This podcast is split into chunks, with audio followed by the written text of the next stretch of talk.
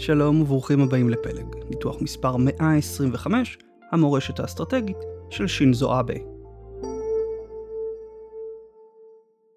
ביום שישי האחרון, השמיני ביולי 2022, שינזו אבה, ראש ממשלת יפן לשעבר, נאם בפני קהל בעיר נארה.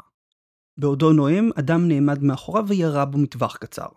אבה התמוטט מיד, בניתוח שלאחר המוות התגלה שקליע פגע בליבו, וכפי שאתם מבינים מניתוח לאחר המוות, מספר שעות אחרי הירי, הוא נפטר מעיבוד דם.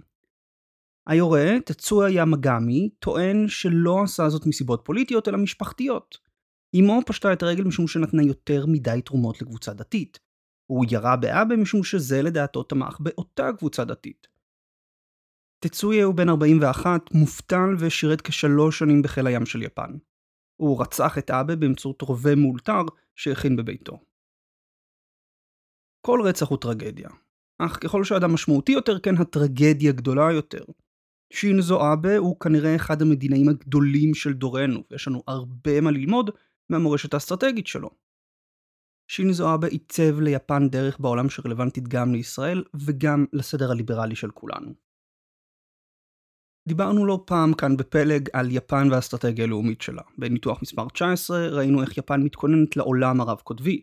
האסטרטגיה הלאומית של טוקיו היום היא במידה רבה תוצאה של הגותו ומאמציו של שינזו אבה. בפרק היום נכיר את מר אבה ואת המורשת האסטרטגית שלו. נכיר פוליטיקאי שנוי במחלוקת. כאשר אבה נבחר בפעם השנייה ב-2012, רבים היו בטוחים שהנה נכנס למשרד ראש הממשלה ריאקציונר קיצוני שידרדר את מעמדה של יפן. במקום, אבה התגלה כפוליטיקאי פרגמטי וכמדינאי בעל חזון. הוא היה מהראשונים לזהות את ההשפעה המסוכנת של סין, והוא הפך את יפן לאחת המדינות החשובות של הסדר הליברלי הבינלאומי. בניתוח היום נבין איך בדיוק אבה עשה זאת דרך ארבעה עמודים אסטרטגיים. כוח צבאי, שיתוף פעולה אזורי, חיזוק הברית עם ארצות הברית והגדלת הפתיחות של יפן לעולם. הכל בניתוח היום. בואו נתחיל.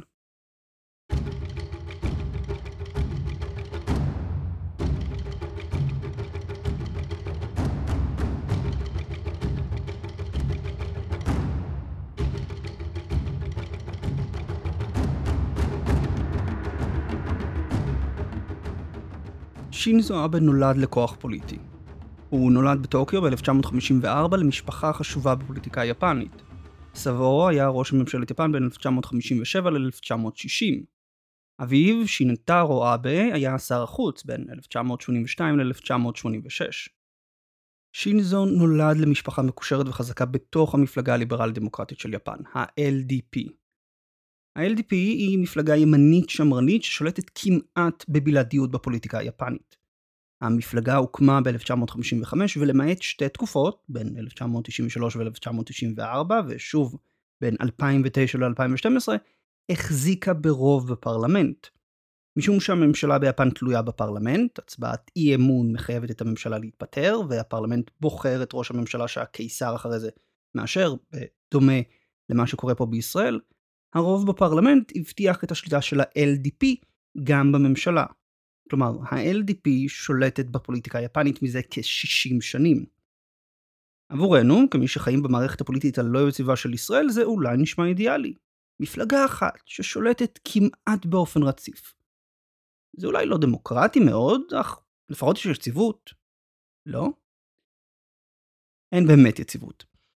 עד לתחילת שנות האלפיים, המפלגות ביפן, כולל ה-LDP, היו פחות מפלגה אחת ויותר ערב רב של פוליטיקאים וקבוצות עצמאיות, עם משמעת רופפת מאוד. ל-LDP היה רוב בפרלמנט, אך הרוב הזה הורכב מפוליטיקאים עצמאיים יחסית עם אינטרסים מנוגדים.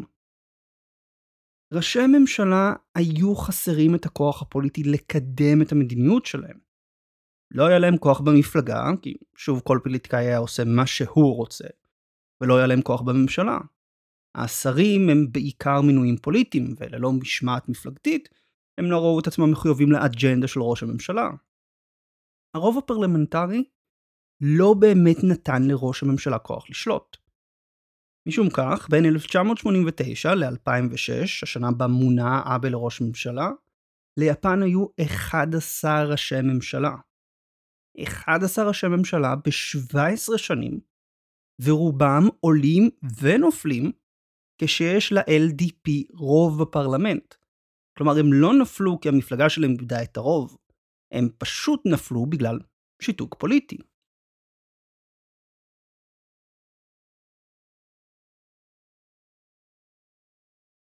כששינזו אבה נכנס בפעם הראשונה לתפקיד ראש הממשלה, גורלו לא היה שונה. הוא נבחר ב-2006 על ידי הפרלמנט לאחר שראש הממשלה הקודם, ג'ונה צ'ירו, נאלץ לפרוש עקב מגבלת כהונה כראש ה-LDP. אבה באותו זמן היה מזכיר הקבינט. אבה הפך לראש הממשלה הצעיר ביותר של יפן, בן 52 בעת שנבחר. הוא גם הפך לראש הממשלה הראשון של יפן שנולד לאחר מלחמת העולם השנייה. אבה הצעיר, כן, צעיר זה יחסית, סומן כמנהיג לאומני, ריאקציונרי, שמעוניין לראות את יפן חוזרת ככוח משמעותי בעולם, וצריכה לנער מעצמה כל תחושה של אשמה או התנצלות על מה שקרה במלחמת העולם השנייה. במיוחד, אבה הדגיש את הצורך לשנות את סעיף 9 של חוקה היפנית. הסעיף שאוסר עליה לפתוח במלחמה ביוזמתה, גם אם יש איום ברור נגדה.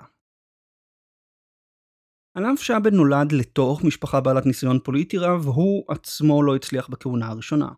בתוך שנה הוא נאלץ להתפטר אחרי שמפלגתו ספגה הפסד משמעותי בבחירות לפרלמנט, ואחרי שהכהונה שלו כראש ממשלה הייתה רצופה סקנדלים וללא שום קידום של מדיניות משמעותית. במהלך כהונתו הקצרה כראש ממשלה, שר החקלאות שלו התאבד תחת חשדות שחיתות, שר הבריאות סירב להתפטר, או להתאבד, על אף לחץ ציבורי לאחר שכינה נשים מכונות לידה. לבסוף, בספטמבר 2007, שלושה ימים אחרי התכנסות הפרלמנט החדש, שינזו אבה, כמעט בדמעות, הודיע שהוא מתפטר וזז הצידה ממרכז הבמה הפוליטית. כנראה שאם היינו שואלים באותה עת פרשנים פוליטיים מה דעתם על אבה, הם היו פותרים אותו כהערת שוליים בפוליטיקה היפנית. פוליטיקאי שקבל את מעמדו הודות לייחוס המשפחתי שלו, וברגע האמת התגלה כמי שלא יכול להתמודד עם תפקיד ראש הממשלה. עוד ראש ממשלה יפני שנפל קורבן למערכת הפוליטית במדינה. דמות שולית, אם בכלל, בתולדותיה של יפן.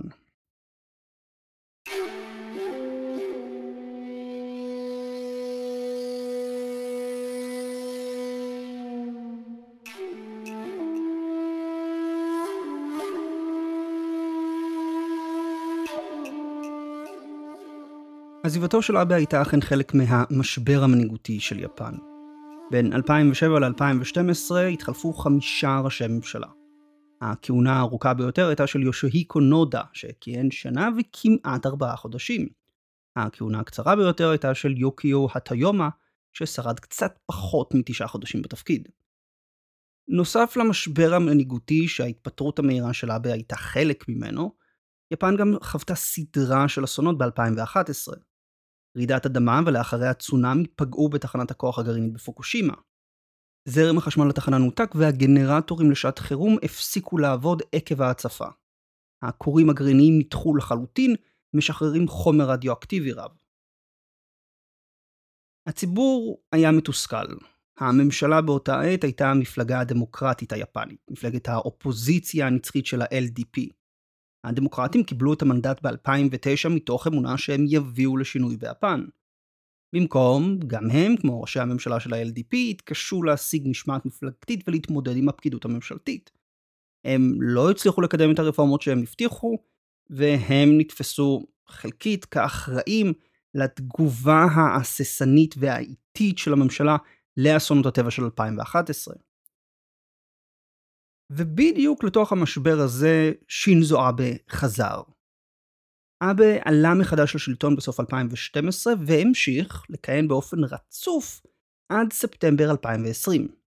כן, שוב ספטמבר. בכך הוא הפך לראש ממשלת יפן עם הכהונה הארוכה ביותר ברציפות. עוקף את השיאן הקודם, שהוא אגב דוד רחוק שלו.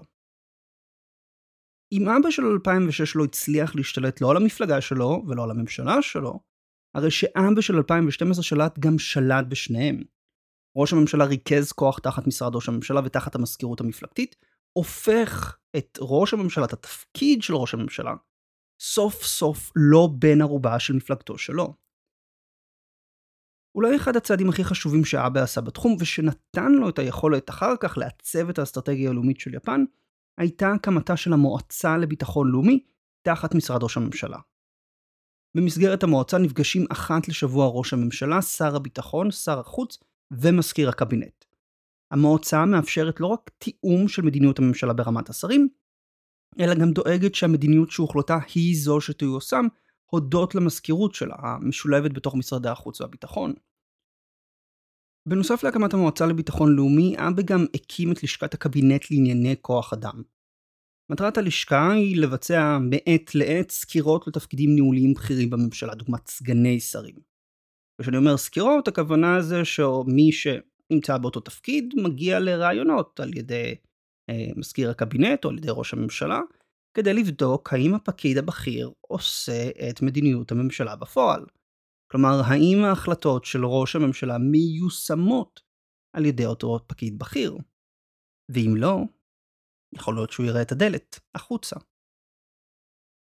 עם הלשכת הקבינט לענייני כוח אדם, שינזו אבה שוב הגדיל את הכוח של משרד ראש הממשלה, וסוף סוף העצים את השליטה שלו בפקידות הממשלתית. ראשי הממשלה ביפן לא עוד יצטרכו להילחם בבירוקרטיה הממשלתית כדי ליישם את המדיניות שלהם. מה השורה התחתונה?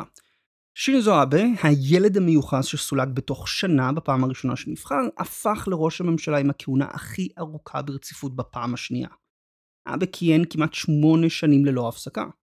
והוא לא רק כיהן, הוא הצליח ליישם מספר יזמות ששינו את יפן, אם בתחום הכלכלה, הביטחון או יחסי החוץ. והמפתיע הוא שחלק מהיוזמות האלו שונות מאוד ממה שהיינו מצפים מאיש ימין יפני.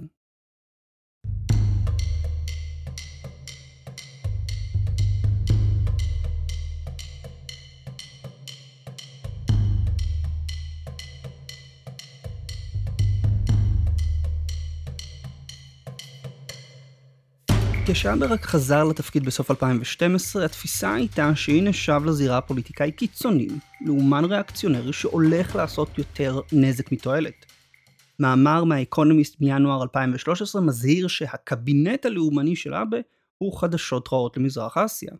שמר אבה מדבר על ביטחון, אך בפועל רוצה לשכתב את פשעיה של יפן במלחמת העולם השנייה, ולהסיר את החוקה הפציפיסטית שלה.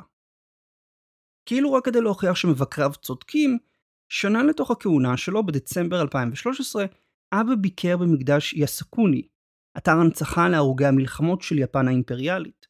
המקדש מנציח בין השאר מאות פושעי מלחמה, חלקם מעורבים ישירות בתכנון וביצוע של פשעי מלחמה. סין ודרום קוריאה גינו את הביקור בחריפות. שתי המדינות חוו את זוועות הכיבוש היפני ורואות בביקורים במקדש ניסיון לנרמל את פשעי המלחמה שנעשו נגדם. נוסף עליו ביקור ביסוקוני והתדמית של פוליטיקאי לאומן, שינזו אבה גם הכריז עם כניסתו לתפקיד שהוא מתכוון להחזיר את יפן לזירה הבינלאומית. לנרמל את כוחות הצבא שלה ולהשיב אותה כמעצמה גדולה בזירה הבינלאומית. מעצמה שלא תלויה רק במטריה הביטחונית האמריקנית, אלא יכולה להגן על עצמה בכוחות עצמה. מול מי? מול צפון קוריאה, מול סין, מול כל איום חדש במזרח אסיה. אם הייתם שואלים אותי בתחילת כהונתו של אבה מה תהיה מדיניות החוץ שלו, מה תהיה האסטרטגיה שלו, הייתי מניח שיהיה מדובר בשילוב בין מיליטריזם, שנאת זרים ולאומנות כלכלית. שיפן של אבה תיסגר בפני העולם, תתחמש ותשרוף את הקשרים עם ארצות הברית. זה לא קרה. זה ממש לא קרה. במקום שינזו אבה התגלה כמדינאי פרגמטי להפליא, פוליטיקאי שמרן שקידם בו זמנית מדיניות שהיא גם ריאליסטית וגם ליברלית. איך? בצד הריאליסטי הוא דחף לבניית הכוח הצבאי של יפן. הוא בהחלט ניסה לשנות את החוקה היפנית, אך לאור אופוזיציה מבית, כל שהוא הצליח לעשות הוא לקבוע פרשנות חדשה לסעיף 9 בחוקה. עם הפרשנות החדשה, כיום יפן יכולה לצאת למלחמה לא רק אם תקפו אותה, אלא גם אם תקפו את בעלות הברית שלה. היפנים קוראים לעיקרון הזה עיקרון ההגנה העצמית הקולקטיבית.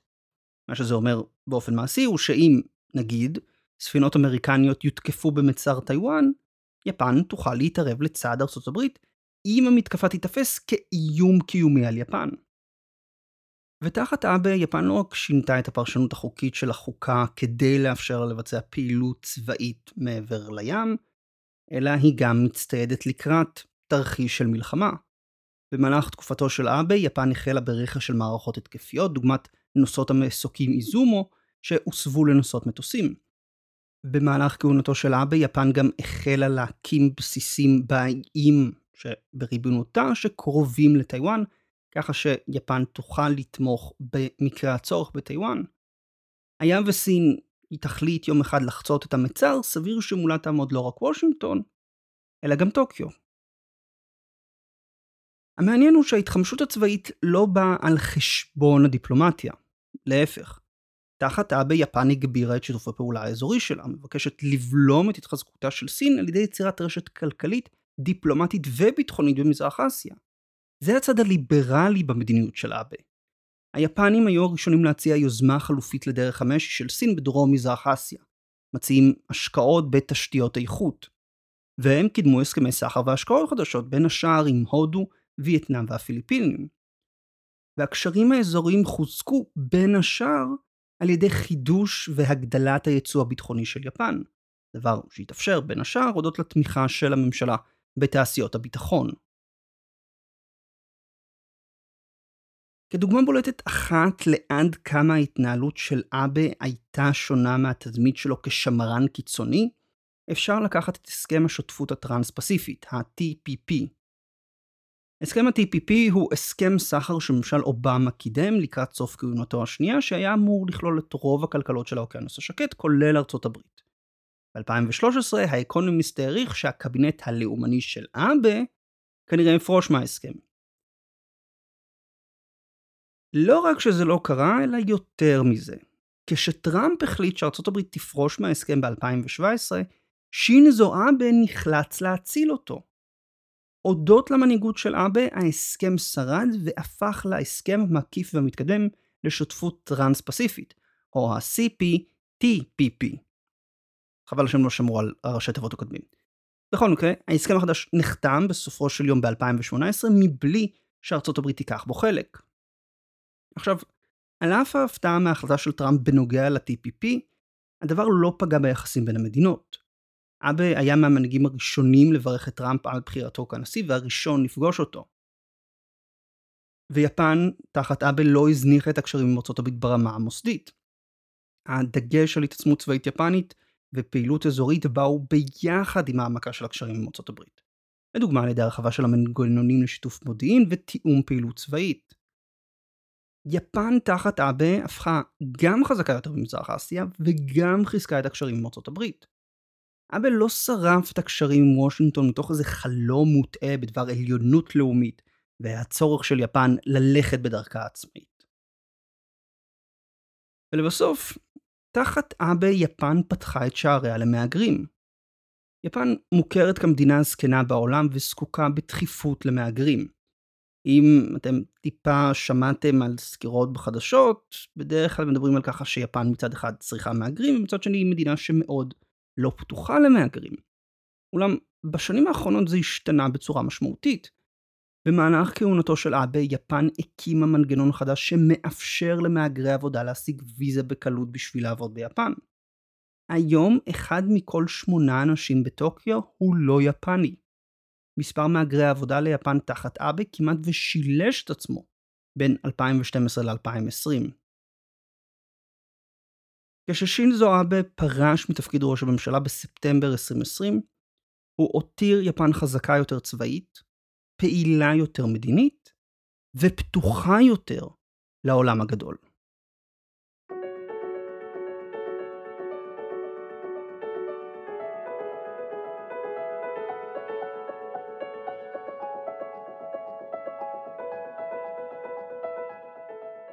כל זה טוב ויפה.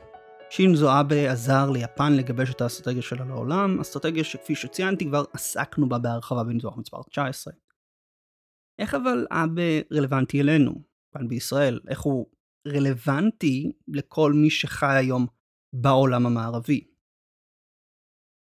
אני חושב שההישג הכי גדול של אבה ומה שיהיה המורשת האסטרטגית שלו, הוא המינוף של התכונות של הדמוקרטיה הליברלית בשביל כוח פוליטי וכלכלי.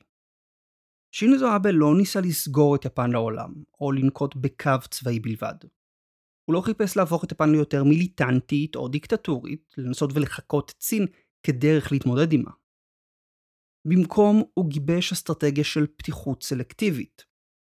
מצד אחד, כן לוודא שמי שנכנס למדינה, אם זה אדם ואם זו מדינה אחרת או חברה, אינם מהווים איום. כן לחסום את החדירה של חברות סיניות למגזרים מסוימים בכלכלה. כן להגדיל את ההסתמכות של יפן על עצמה לצורכי ביטחון. מצד שני, לא לוותר על הפתיחות של הדמוקרטיה הליברלית, במיוחד בתחומים של כלכלה וחברה. כן לעודד הסכמי סחר, כן לאפשר הגירה, כן לשמור על קשרים גם עם מדינות יריבות, תוך הבנה שתחרות לא חייבת להפוך לעימות. הביטוי הכי ברור לתפיסה הזו היא האסטרטגיה של אבה למרחב אינדו-פסיפי חופשי ופתוח, Free and Open Indo-Pacific, או FOIP בקצרה. האסטרטגיה קוראת לשיתופי פעולה אזוריים, כולל הסכמי סחר ושיתופי פעולה צבאיים, במטרה להבטיח שהמרחב האינדו-פסיפי נשאר חופשי ופתוח לכל מדינות העולם. בעקיפין, האסטרטגיה הזו קוראת לבלום את סין, אבל רק בעקיפין. היא מבקשת לנצל בדיוק את החוזקה של מדינות ליברליות, הפתיחות שלהן, כדי למשוך מדינות אחרות ולדחוק את ההשפעה של בייג'ינג. בשנים האחרונות האמריקנים העתיקו את המונח בשביל להשתמש בו להגדיר את האסטרטגיה שלהם במזרח אסיה. פתיחות היא חוזקה משום שסין לא יכולה להתחרות איתה. בייג'ינג שומרת על יציבות פוליטית בבית על ידי שליטה אדוקה על השווקים הפיננסיים, על זרם המידע לאזרחים ועל מגזרים קריטיים בכלכלה. כלפי חוץ היא טוענת לריבונות על ים סין הדרומי וטיוואן, שני אזורים קריטיים לתנועה החופשית של אוניות. המודל שבייג'ינג רוצה לייצא לעולם הוא של מדינה אוטוקרטית, ששולטת בכלכלה ובזרימת המידע שלה ומנהלת אינטראקציה סלקטיבית עם שאר העולם. עכשיו, זה אולי מושך אם אתה כבר אוטוקרטיה, או שהכלכלה שלך מספיק גדולה כדי שלא תצטרך לנהל אינטראקציה עם העולם, אבל עבור מדינות דרום-מזרח אסיה למשל, שתלויות במסחר, זה לא חזון רלוונטי. גם עבור מדינות שרוצות להיות חלק מתעשיית ההייטק העולמית, מגבלות על זרימת מידע הוא איום על העסקים שלהן. אם החברה שלי לא יכולה לעבוד במדינה שלך כי אתה לא מאפשר לה להזרים דאטה החוצה, אז יש לנו פה בעיה. ורבות מהמדינות המתפתחות גם תלויות בכסף ששולחים להן אזרחים מעבר לים. מהגרי עבודה במקומות כמו המפרץ הפרסי, אירופה ויפן. עבור העולם המתפתח, עולם סגור יותר הוא איום כלכלי. וזו הסיבה שהאסטרטגיה היפנית מצליחה. שטוקיו מצליחה להגדיל את השפעתה במזרח אסיה. שארצות הברית העתיקה את הקונספט לאסטרטגיה שלה. הסדר הליברלי יכול לנצח אם הוא ישמור על הפתיחות הסלקטיבית שלו. אם הוא ימשיך לאפשר הגירה, זרימה חופשית של מידע ואת התנועה החופשית של סחורות. אך לא בכל מחיר כמובן. סחר חופשי יכול להיות רק עם מדינות שבאמת נוקטות במדיניות של סחר חופשי. שרשראות אספקה קריטיות לא יכולות להיות בשטחם של יריבים. איך חזון כזה משתלב עם טענה חוזרת כאן בפלג שהגלובליזציה נסוגה אחורה?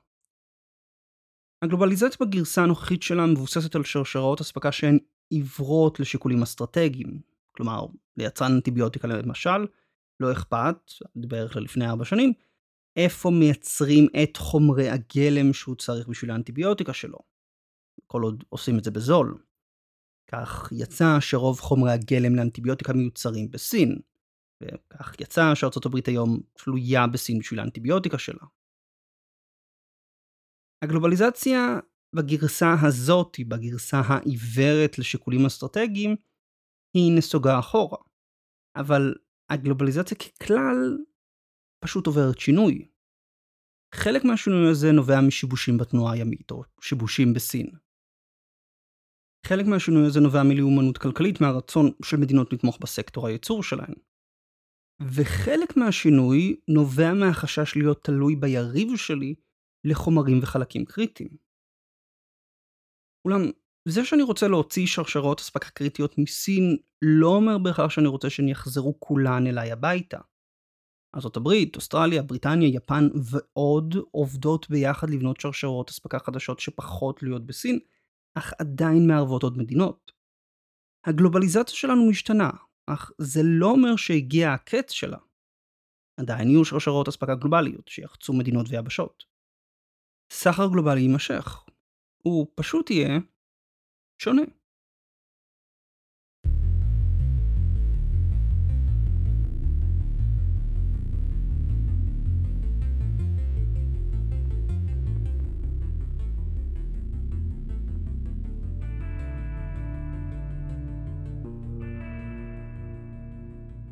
שינזו אבה הגדיר מחדש את תפקיד ראש ממשלת יפן ואת האסטרטגיה הלאומית שלה.